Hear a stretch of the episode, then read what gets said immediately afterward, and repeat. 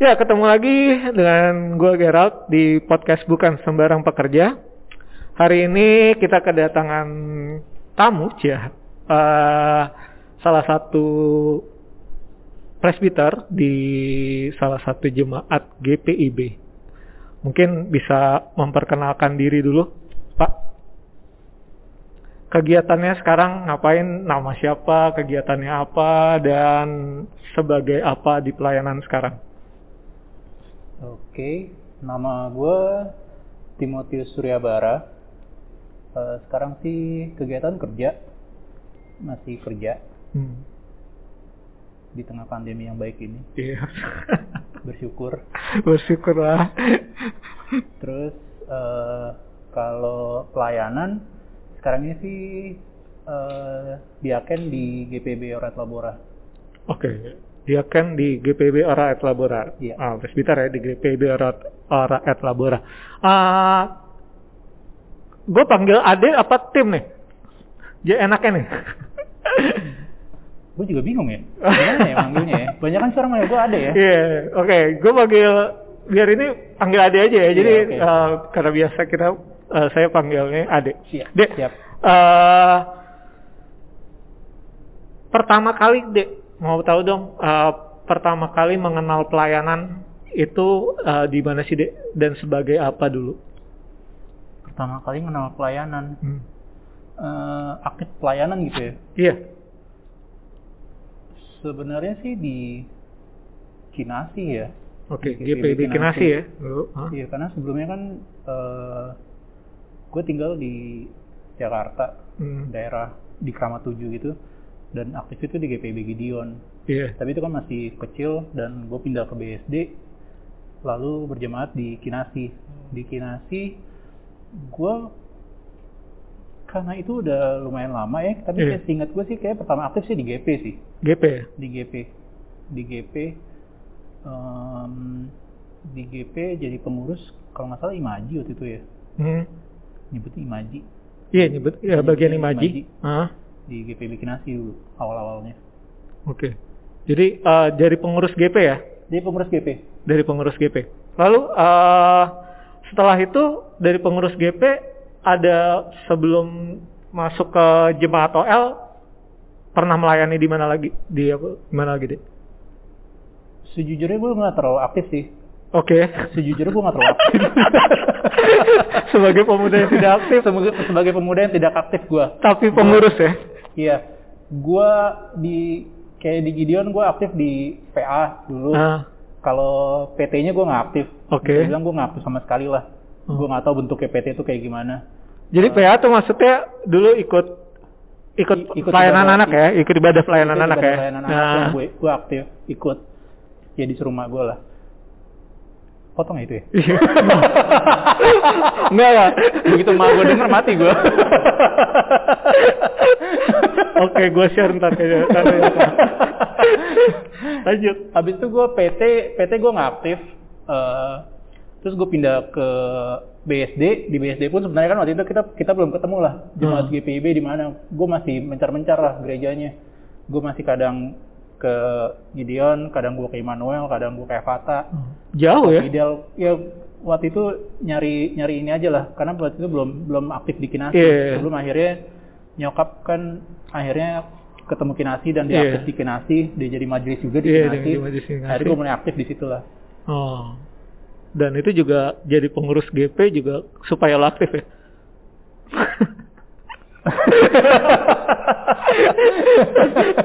Seperti sih kayak begitu ya. Terus lu juga pernah jadi ini kan uh, pelayan kan, pelayan persekutuan teruna juga kan sebelumnya di itu? Iya. Iya. Gue gue sempat juga sempat juga beberapa waktu gue sempat aktif di pelayanan teruna. Gue jadi guru PT. Hmm. Ya di situ buat ada saatnya waktu itu gue lumayan aktif sih. Hmm. Bapak Gerald juga. Wah, Sama-sama melayani bersama di PT. Nah, ini nih, menarik deh. Uh, lo waktu itu uh, sebagai uh, jemaat simpatisan yang loncat sana loncat sini terus aktif di gerakan pemuda waktu itu uh, kalau flashback sedikit mungkin apa sih yang motivasi lo untuk akhirnya ah gue ikut melayani di uh, persekutuan Taruna? Aktif di Iya, untuk melayani di persekutuan Taruna waktu itu. Akhirnya memilih persekutuan Taruna untuk Well, gue waktu itu uh, bisa dibilang kan pilihannya antara PA atau PT lah Iya. untuk pelayanan ngajar ya. Hmm. Dan gue yang saat itu Hmm. ngerasa gue sama anak kecil nggak terlalu cocok men. Oke. gue kayak nggak bisa tuh ngeliat tuh anak anak kecil larian kiri Oh, kanan. iya. Ya kan, Sekarang gua- lu tiap hari lihat ya. Sekarang gue anak gue larian dalam. Jadi kayaknya gue kayaknya lebih prefer ke ke anak-anak anak-anak PT Eh, Waktu Taruna itu. ya. Begitu. ngajar anak PT. Oke, terus eh, sekarang lo akhirnya memutus eh, terpanggil untuk eh, dipilih dan terpanggil untuk menjadi presbiter. Eh, apa sih eh, yang membuat lo akhirnya mengiyakan untuk menjadi eh, presbiter di jemaat GPB Orayat Labora? Kalau mengenai pelayanan gue di sekarang ini untuk jadi majelis, eh gue rasa sih panggilan untuk pelayanan itu kan gue udah ada lah dari dulu lah ya. Hmm. Gue aktif di GP, gue aktif Iya. di PT juga. Dan waktu itu gue udah nggak jadi pelayan GP lagi dan gue rasa itu bagian dari evolusi hidup gue lah. Jadinya Hmm. gue transformasi dari PT, GP, terus saat sekarang ini gue rasa untuk masuk dalam pelayanan sebagai diaken adalah bagian dari hidup gue lah. Jadi eh, kalau masalah panggilan, gue rasa panggilan emang udah ada terhadap gue dari dulu. Oke.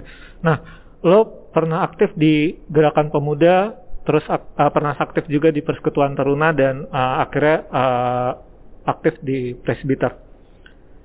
Apa yang lo rasakan perbedaan ketika lo aktif menjadi pengurus di gerakan pemuda, melayani adik-adik uh, remaja, dan sekarang lo menjadi presbiter yang harus melayani jemaat. Hmm,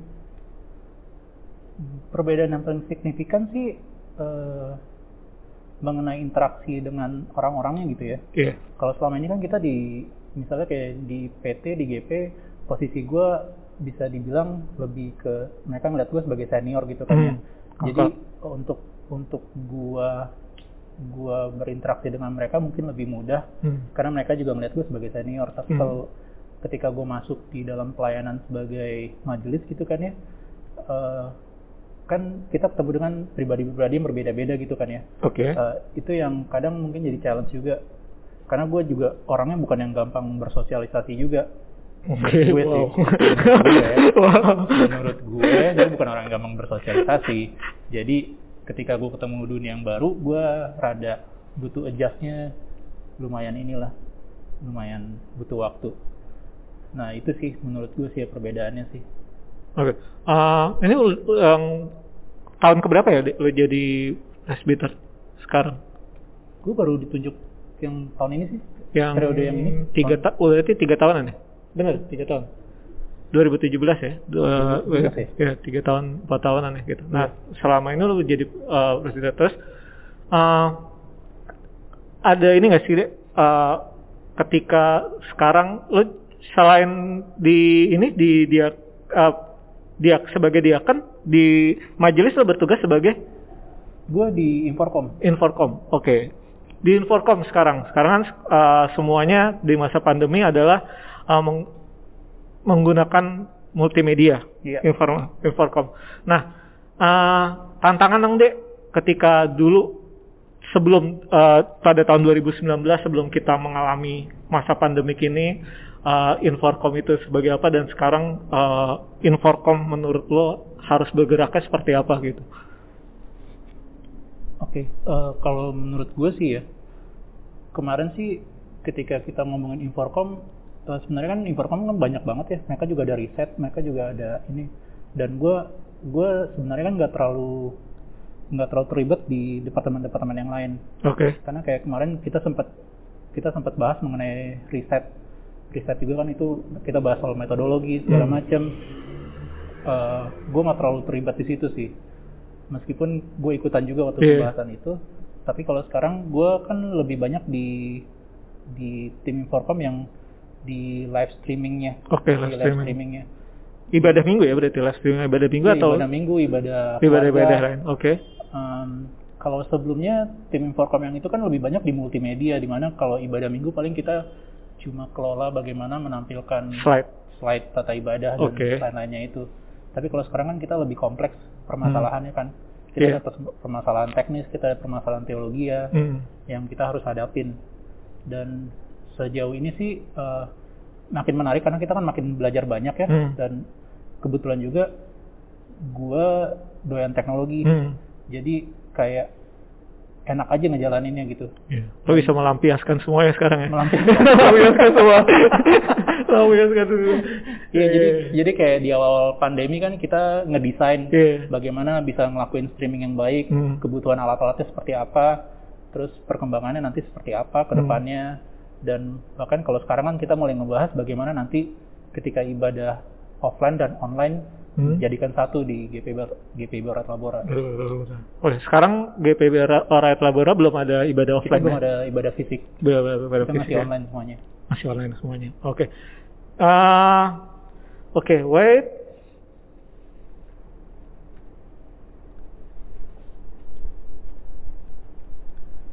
Oke, ah, pengalaman pengalaman menarik deh ah, menurut lo dari ah, lo melayani selama ini dari pernah melayani di GP, pernah melayani di PT dan akhirnya menjadi presbiter, ah, mengurus Inforcom, pengalaman menarik menurut lo yang ah, paling berkesan lah buat lo dalam pelayanan.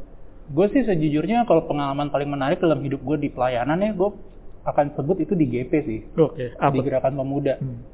Ya mungkin di PT juga lah ya. Hmm. Eh, karena modelnya mirip-mirip karena Hmm. dari dari pelayanan di GP dan PT gue dapat pengalaman banyak sih. Hmm. Terlebih di pengalaman ber- berorganisasi gue. Oke.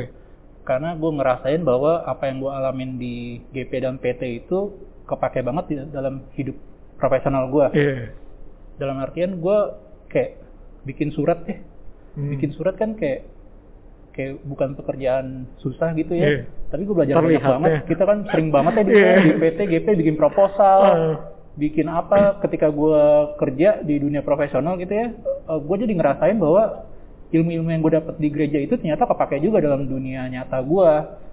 Organisasi dunia nyata ya? Kesannya dunia nyata ya? Di, di PT gue ya? Enggak sih. Ternyata. Tapi maksud gue ketika itu gue jadi ngerasain bahwa berorganisasi itu penting dan itu gue ternyata gue dapat banyak pengalaman juga dari PT dan GP selain ilmu pelayanan gue dan jadinya itu sangat membantu gue sih dalam pekerjaan sih Oke, berpengaruh banget ya untuk berpengaruh banget uh, dalam pengalaman kerja gue Oke, wait.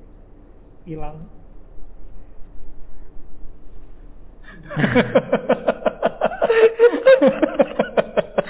banyak Oke. potongnya kayak ini Iya, oke, oke.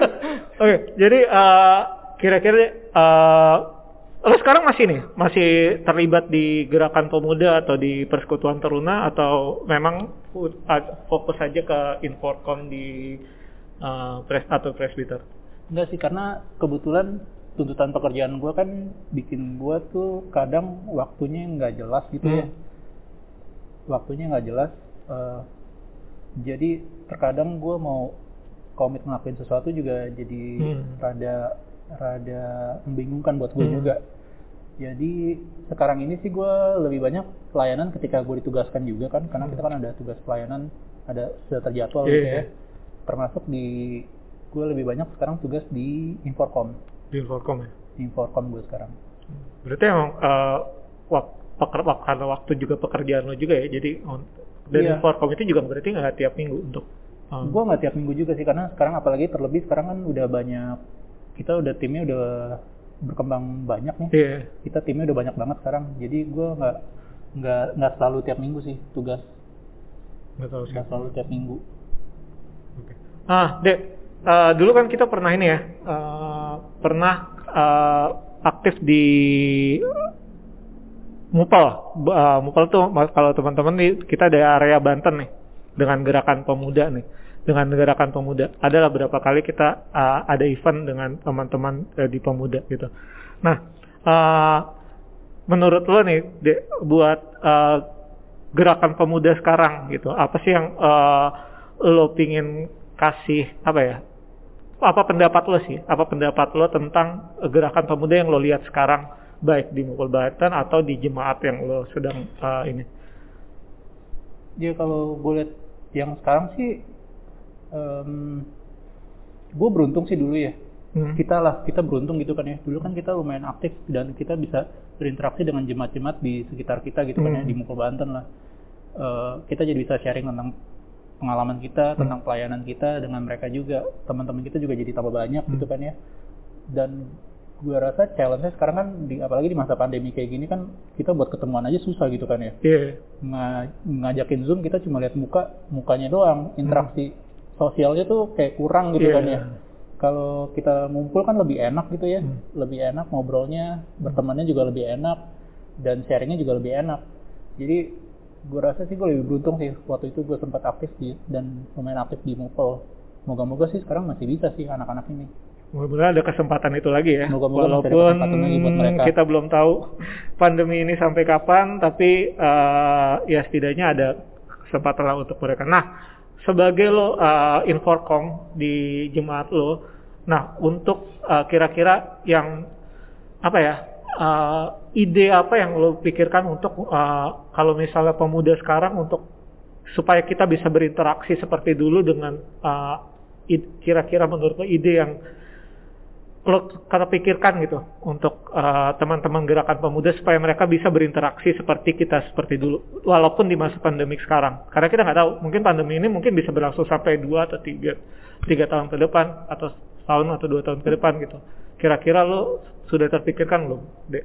Harusnya ada kegiatan apa nih gitu yang mesti? Ya kalau menurut gue sih kalau kalau sekarang di masa pandemi kayak gini kan ya challenge-nya itu kan kita ketemu lewat online gitu kan hmm. kan ya uh, kalau dulu kan kita bikin gathering dalam jumlah banyak makin banyak makin enak yeah. karena kita lompat-lompatnya juga lebih enak gitu kan ya ketemu orang juga enak gitu ya kita bisa ketemu grup sana grup sini hmm. sedangkan kalau kita bikin satu gathering besar di di secara online gitu ya hmm. kita bayangin aja misalnya kita pakai zoom lah ya zoom begitu ketemu nggak usah banyak-banyak lah misalnya 20 orang aja hmm. itu mau ngomongnya rebutan ketemu-ketemu orang rebutan nggak tahu siapa mau ngomong duluan gitu kan yeah. kadang-kadang kan ya ketika satu orang ngomong yang lain diem interaksi jadi nggak enak yeah, yeah. kalau kita ketemu kan kayak rame gitu kan ya kita bisa saling nimpalin langsung apa segala macem hmm. sedangkan kalau lewat online kan uh, kadang ada delaynya juga yeah. kita ngomong A yang di sana berapa detik kemudian baru, detik baru, baru denger A-nya hmm. gitu kan ya jadi uh, challenge sekarang kalau grup gathering besar kita masih kecilin lagi kan ya mungkin masih jadi grup-grup kecil Nah, bagaimana kita membuat itu menarik sih yang yang jadi jadi jadi persoalannya. Oke. Okay. Ya palingnya kita harus tetap buat grup-grup kecil itu sih yeah. jadinya nggak bisa sebesar kayak kemarin kita bikin. Iya. Yeah. Karena sebetulnya kebutuhan dari gerakan pemuda juga sebetulnya adalah uh, salah satunya adalah sosialisasi itu ya ke, ke, yeah. uh, berhubungan dengan uh, rekan-rekan pemu, uh, pemuda yang lain ya yeah. dan itu sangat perlu jadi tetap dilaksanakan tapi walaupun dengan lingkup kecil ya yeah. dengan lingkup kecil dan tetap dengan online. Oke deh, Oke dong deh, uh, kesaksian dong deh yang bisa menguatkan teman-teman dalam pelayanan. Kata-kata penguat lah. Wah, teman-teman pelayanan gitu, sekarang. Gue kira gue disuruh nyanyi. ya, kalau kalau berdasarkan pengalaman gue aja gitu ya. Yeah, oke. Okay. Uh, uh, pelayanan menurut gue ada sesuatu yang penting buat kita gitu ya. Hmm. Bukan cuma pengembangan terhadap rohani kita. Hmm.